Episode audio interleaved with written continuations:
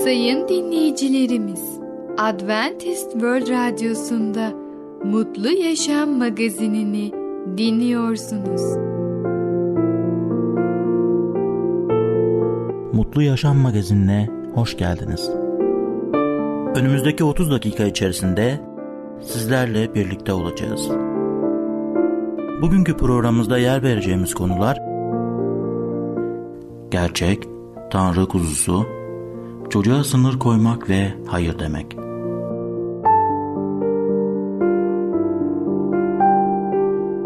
Adventist World Radyosu'nu dinliyorsunuz. Sizi seven ve düşünen radyo kanalı. Sayın dinleyicilerimiz, bizlere ulaşmak isterseniz e-mail adresimiz radio.umutv.org radio.umutv.org Bizlere WhatsApp yoluyla da ulaşabilirsiniz. WhatsApp numaramız 00961 357 997 867 06 00961 357 997 867 06 Şimdiki konumuz gerçek. Gerçek nasıl kalbini değiştirerek hayatını değiştirir? Merhaba değerli dinleyicimiz. Ben Tamer. Başarılı Yaşam programına hoş geldiniz. Bugün sizlere gerçek hakkında konuşacağız. İlk önce şunu bilmemiz gerekiyor. Yüce Allah gerçektir. Gerçek hakkında her şey Yüce Allah'tan öğrenebiliriz. Allah'ın kelamı, Allah'ın verdiği sözü gerçektir. Nereden mi anlıyoruz? Bakın Allah'ın peygamberi Davut peygamber bize ne diyor? Zebur Mezmur 119-160 Sözünün tümü hakikattir ve her adaletli hükmün ebedidir. Ve Yuhanna 17. bölüm 17. ayette şöyle diyor. Onları gerçek arıcılığıyla kendine ayır. Senin sözün gerçektir. Evet görüyoruz ki Allah'ın kelamı, Allah'ın sözü gerçektir. İlk kitaptan, Tevrat'tan başlayıp Zebur, İncil'e kadar Allah'ın tüm kitapları, Allah'ın tüm sözü gerçek olduğunu anlıyoruz. Ve Yeşaya 59. bölümde şöyle diyor. Ve hak geri çevrildi ve salah uzakta duruyor. Çünkü şehrin meydanlarında hakikat sürçüp düştü ve doğruluk içeri giremiyor. Evet, hakikat bulunamıyor ve şerden çekinen kendisini soyduruyor.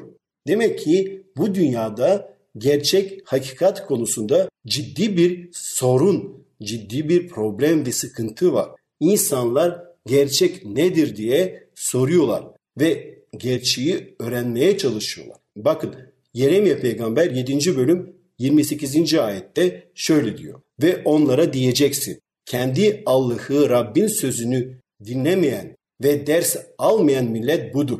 Hakikat yok oldu ve ağızlarından kesildi. Demek ki Allah'ın sözünü, Allah'ın kelamını, Rabbin sözünü dinlemiyorsak o zaman bizde de gerçek yoktur, hakikat yoktur. Bakın devam ediyor Yeremye peygamber 9. bölüm 46. ayette. Herkes komşusundan sakınsın ve hiçbir kardeşe güvenmeyin. Çünkü her kardeş çok aldatacak ve her komşu söz taşıyıp gezecek ve herkes komşusunu aldatacak ve doğruyu söylemeyecekler. Yalan söylemeyi dillerinde öğrettiler. Fesat işlemek için yoruluyorlar. Biliyoruz ki Allah'ın halkı bazı dönemlerde kelamından, kutsal kitaptan çok uzaklaştılar. Uzaklaşınca Yeremye peygamber uyarıyor. Bakın diyor. Siz Allah'ın kelamından, Allah'tan aslında böylece uzaklaşmış oluyorsunuz. Uzaklaşınca da ne oluyor? Sizin sözleriniz artık gerçek değil, yalanla doludur. Yalan ve gerçek birbirine taban tabana zıt iki kavramdır. Biri devreye girdiğinde diğeri devreden çıkar. Özellikle yalan bir kez başlamaya görsün, o zaman kişiler arasındaki güven dengeleri bozulmaya ve yavaş yavaş yerini güvensizliğe devretmeye başlar. Yalan üzerine kurulmuş ilişkiler birbirine güvenmeyen insanlar, birbirine güvensiz insanların alım satımları yavaş yavaş insandan aileye, aileden topluma uzanan bir karmaşa çizgisi oluşturur. Özellikle yeni anlaşmada birçok kez İsa Mesih sözlerinde bizi uyardı. Doğrusu sizlere derim ki sözleriyle başlamaktadır Efendimiz İsa Mesih. Bu örneklerde görüldüğü gibi Efendimiz İsa Mesih'in sözleri aynı Yüce Allah'ın sözleri gibi gerçektir. Onun sözleri daima doğruyu, gerçeği sunmaktadır. Aslında bundan da ötesinde Efendimiz İsa Mesih yalnızca gerçeği öğreten değil, aynı zamanda kendisi gerçek olduğunu söylüyor. Nerede mi? Yuhanna İncil'inde 14. bölüm 6. ayette şöyle diyor.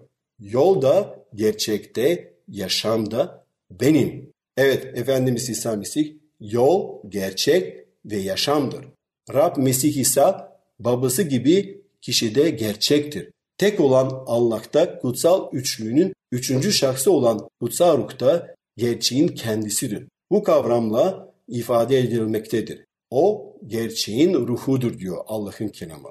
Gerçeğin sözcüsü, gerçeğin izleyicisi olmalıdır. Söylediği her şey, yaptığı her şey gerçekle mühürlenmiş olmalıdır. Eski anlaşma dönemlerinde insanlar yeminle doğruluklarını tasdik etmeye çalışıyorlardı. Bu yemin adeta konuştukları konuya tanık olarak gösteriyorlardı. Matta 5. bölüm 33.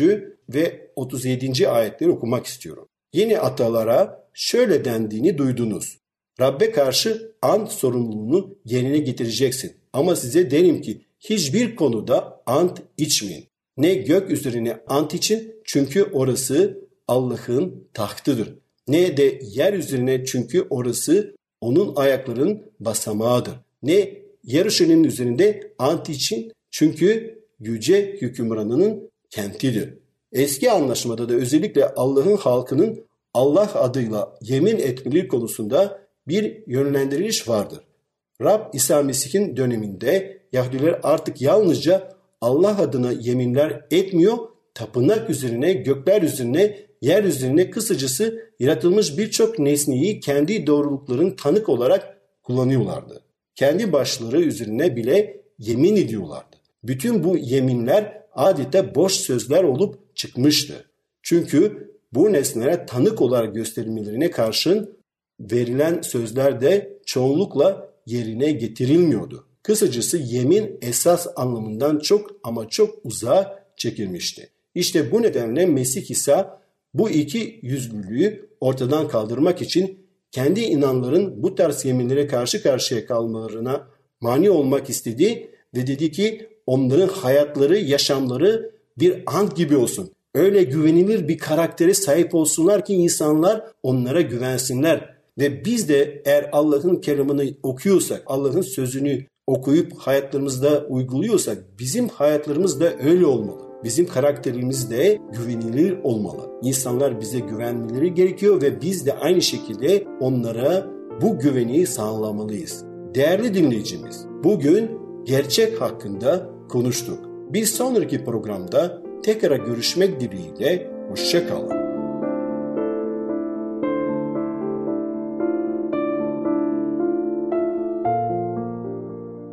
Programımızda az önce dinlediğimiz konu gerçek.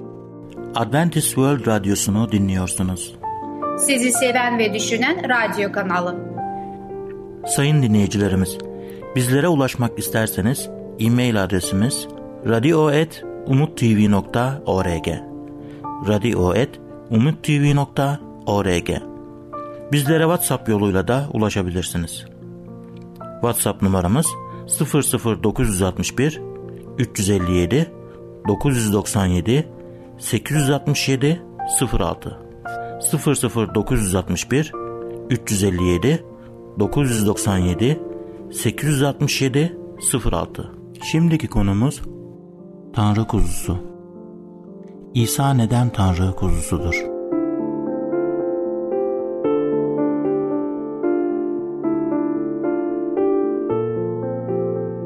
Merhaba ufaklık, ben Fidan. Kutsal Kitaptan Öyküler programımıza hoş geldin.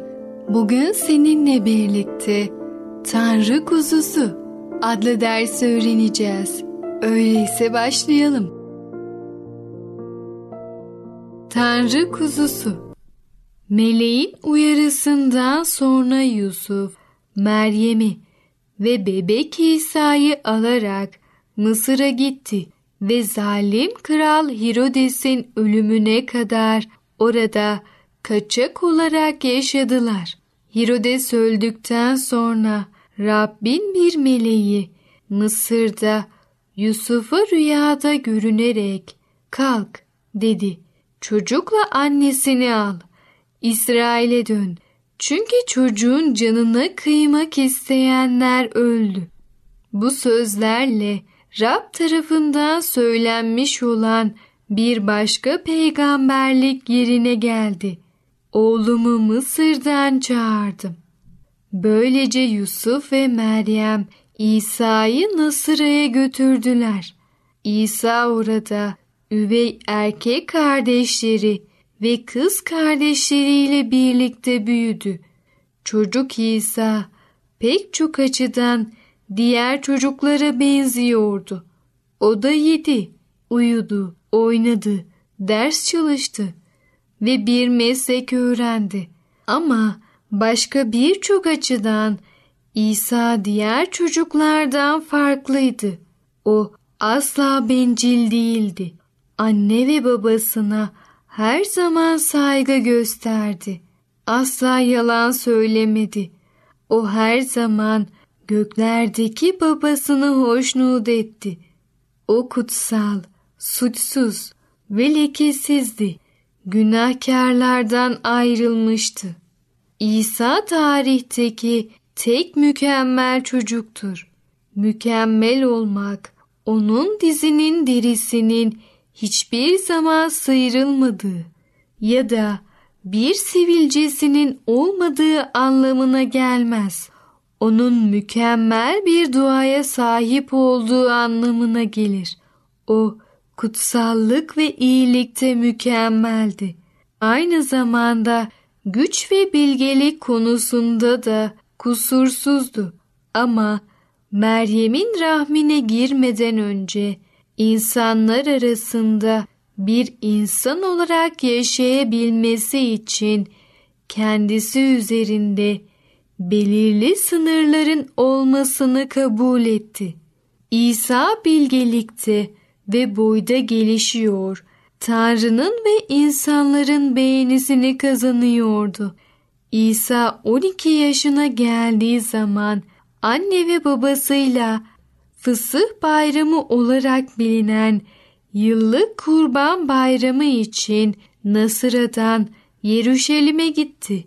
Yaşıtları büyük kenti keşfetmeye gitmeyi tercih ederken İsa haftayı tapınağın avlusunda oradaki öğretmenlerin arasında oturarak onları dinleyerek ve onlara sorular sorarak geçirdi.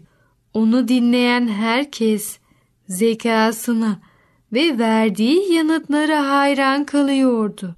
Tapınak halkın günahları için bir sunakta kuzuların yakıldığı yerdi.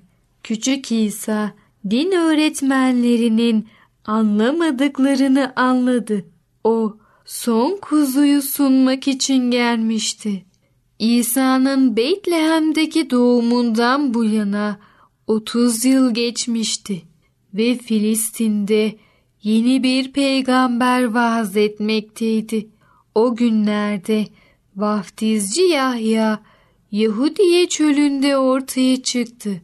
Şu çağrıyı yapıyordu. Tövbe edin, göklerin egemenliği yaklaşmıştır. Nitekim Peygamber Yeşe aracılığıyla sözü edilen kişi Yahya'dır.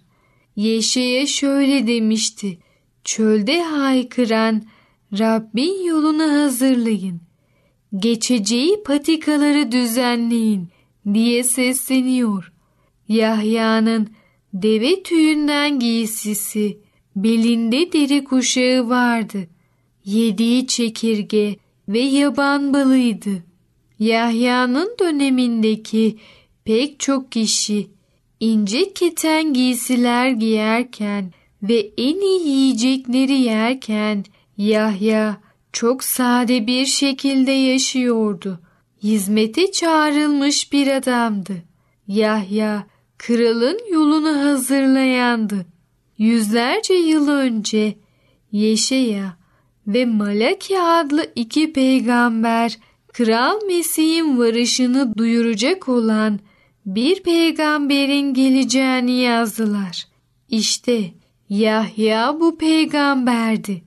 Önceki peygamberler şu ön bildirilerde bulunmuşlardı. Vaat edilen kurtarıcı doğru zamanda yeryüzüne gelecek. Yahya ise şöyle vaaz etti. Zaman geldi. Kurtarıcı artık burada. Sonra bir gün kurtarıcı geldi. Tepeden indi. Kalabalığın arasından geçti ve aşağıda Yahya'nın vaftiz ettiği yere Yahya'nın yanına geldi. Yahya İsa'yı işaret ederek şöyle dedi. İşte dünyanın günahını ortadan kaldıran Tanrı kuzusu. Evet ufaklık, Tanrı kuzusu adlı dersimizi dinledin. İsa kusursuz olduğu için Tanrı kuzusudur. Sen de bu kuzuya inan. Bir sonraki programımızda tekrar görüşene kadar kendine çok iyi bak ve çocukça kal. Programımızda az önce dinlediğimiz konu Tanrı Kuzusu. Adventist World Radyosu'nu dinliyorsunuz. Sizi seven ve düşünen radyo kanalı. Sayın dinleyicilerimiz, bizlere ulaşmak isterseniz e-mail adresimiz radio.umutv.org radio.umutv.org Bizlere WhatsApp yoluyla da ulaşabilirsiniz. WhatsApp numaramız 00961 357 997 867 06 00961 357 997 867 06 Şimdiki konumuz çocuğa sınır koymak ve hayır demek. Çocuğunuza hayır derken nelere dikkat etmelisiniz? Merhaba sevgili dinleyicilerimiz. Çocuk Eğitimi adlı programımıza hoş geldiniz. Ben Müberra. Bugünkü konumuz çocuğa sınır koymak ve hayır demek. Evet sevgili dinleyicilerimiz, hayatın ilk altı yılı yaşam içindir. Bizi hayatla tanıştıran, ileride nasıl biri olacağımızın temellerinin atıldığı bir dönemdir. Bu açıdan anne babalar çocuklarının hayatları boyunca sürdürecekleri davranış örneklerini şekillendirmelerine yardımcı olmaktan sorumludurlar. Çocuğun davranışlarına sınırlamalar koymak zordur. Çünkü hayır demeden önce bilinmesi gereken birçok şey vardır. Uygun şekilde hayır demek 1 ile 15 dakika arasında değişebilir. Ancak çoğu zaman ağzımıza sakız olan bu kelime başka durumlarda da söylenebilmektedir. Çok fazla kullanılan kelimelerin veya ifadelerin hayır kelimesini de çok fazla kullandığımızda etki gücünü yitirdiğini zaten görürüz. Zaman zaman bu kelimenin anlamını sen bunu beceremezsin olarak kullanmak bu kelimenin anlamını da bozmaktadır. Çünkü hayır beceremezsin ile bu yanlış arasındaki bu ince farklılığa dikkat edilmesi gerekir. Çocuklar çok meraklı ve araştırmacıdırlar. Bu kelimenin sık sık kullanılması çocuğun merakını ve hevesini yok edebilir. Biz anne babaların uzun vadede arzu ettiğimiz şey çocuğumuzun bizi değil kendilerini doğruyu yanlıştan ayırt etmelerini sağlayacak ve davranışlarını yönlendirecek kendi iç seslerini dinlemeleridir. Bunun için hayırı doğru kullanmak önemlidir. Çocuğunuzun yanlış bir davranışını ne kadar çabuk durdurabildiğiniz değil, onun ne kadar çabuk düşünmesini sağlayabildiğiniz önemlidir. Genellikle çocukta öfke duygusunu oluşturmaktadır. Bu da o ilişkide büyümemizi engellemektedir. Levhaların yeterli miktarda olduğu bir yolda gitmeye ihtiyaçları vardır. Bütün ebeveynler çocuklarına yasaklar ve sınırlamalar konması gerektiğini düşünürler. Anlaşamadıkları nokta ise bunun nasıl olacağı ve onların ne zaman sınırlandırılacağıdır.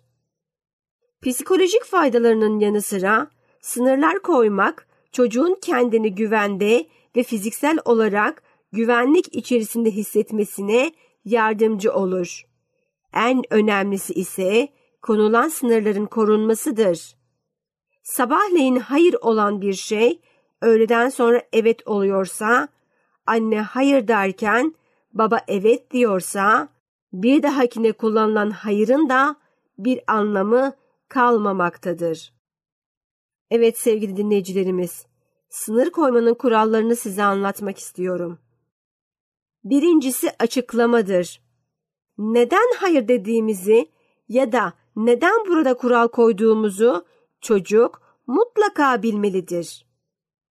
İkinci olarak duyguları onaylamalıyız. Çocuk o anda hangi duygu içerisindeyse bunu ona iletmek onu anlaşılmış hissettirecek ve çatışmada aynı tarafta olduğumuzu gösterecektir. Evet üçüncüsü ise ona ağlama yerine ağlayabilirsin demelisiniz. Çocuklara ağlama dediğimizde daha fazla ağlama ihtiyacı hissederler. Ayrıca ağlamak insanın ihtiyacıdır ve bunu yok saymak onun sıkıntısını dindirmez. Tabii ki ağlayabilirsin. Ben seni ağlarken duyamadığım için sen ağladıktan ve rahatladıktan sonra konuşalım demek, onun kendi kendini kontrol etmesini de öğrenmesine yardım edecektir. Çocuklar bazen canları acıdığında gerçekten üzüldüklerinde ağlarlar. Bazen de istediklerini yaptırmanın bir yolu olarak ağlamayı keşfetmişlerdir. Evet beşinci olarak seçenek sunma. Bunu sadece hayırda bırakmak çocuklarda büyük engellenmişlik yaratır. Çocukların elinden bir şey alırken yerine mutlaka bir şey koymak gerekir. Çünkü beynimiz almak, vermek üzerine çalışır. Yerine koyduğumuz şey ise mutlaka en az iki seçenek olmalı ki çocuk burada seçim yapabilsin. Hayır, onu alma, bunu al seçeneğinde sadece burada ebeveyn kazanmış olur. Ancak hayır, onu alma, bunu ya da bunu alabilirsin. Hangisi diye sorduğumuzda her iki tarafta kazanmış olacaktır. Dikkatini engellediğimiz olay nesne üzerinden seçenekleri çekmiş oluruz. Ve bu hem inatlaşmayı engeller hem onun kendisini kazanmış hissetmesini sağlar.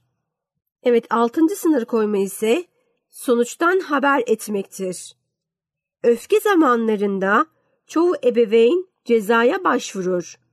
Ceza hiçbir zaman çocuğun davranışı ile ilgili sorumluluk almasını sağlamaz. Ceza yerine bedeller sunmak çok daha etkilidir. Çocuk derslerini yapmadı diye bir hafta dışarı çıkmadığında ceza almış olur. Oysa ki derslerini yapmadığında okuldaki başarısız durumu olayın bedelidir. Örneğin annesinin kıymetli eşyalarıyla oynayan çocuğa onu bırak yoksa akşam babana anlatırım hepsini demek tehdittir ve bu davranışın bedeli değildir. Onu bırakmazsan ben elinden alacağım. Olayın bedel ifadesidir. Burada önemli olan yapabileceğimiz şeyleri söylüyoruz. Evet sevgili dinleyicilerimiz, bugünkü programımızın da sonuna geldik. Bir sonraki programda görüşmek üzere. Hoşçakalın. Programımızda az önce dinlediğimiz konu Çocuğa sınır koymak ve hayır demek. Adventist World Radyosu'nu dinliyorsunuz. Sizi seven ve düşünen radyo kanalı. Sayın dinleyicilerimiz, bizlere ulaşmak isterseniz e-mail adresimiz radio.umutv.org radio.umutv.org Bizlere WhatsApp yoluyla da ulaşabilirsiniz.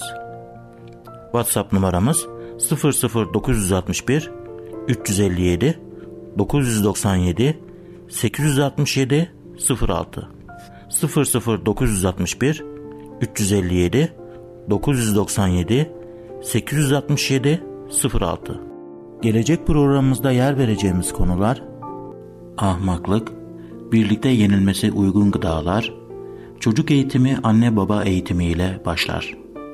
Mutlu Yaşam Magazini adlı programımızı her cumartesi aynı saatte dinleyebilirsiniz.